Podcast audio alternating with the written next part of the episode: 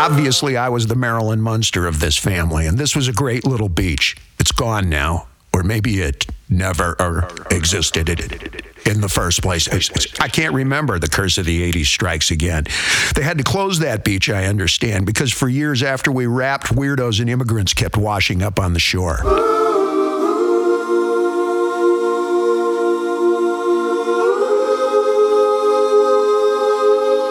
I still have those pants. I kept them because even though proof exists that I wore them, I knew that 30 years later I wouldn't believe that I wore them.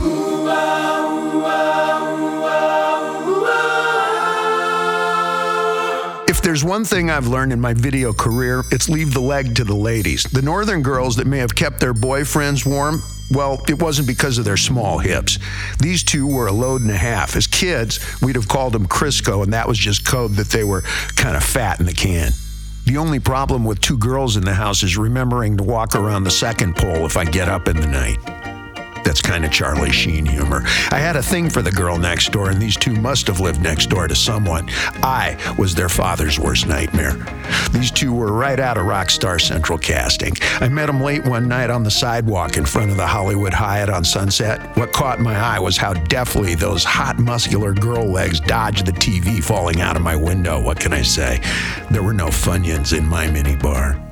Sometimes, just to watch the smile on someone's face morph into a wince, I say that the girls were actually my sisters. It also really pissed off my sisters, which, regardless of my age, never gets old. On a personal note, I feel fairly confident saying that these were some of the best times in my life, not the times on stage that my dad most envied about me.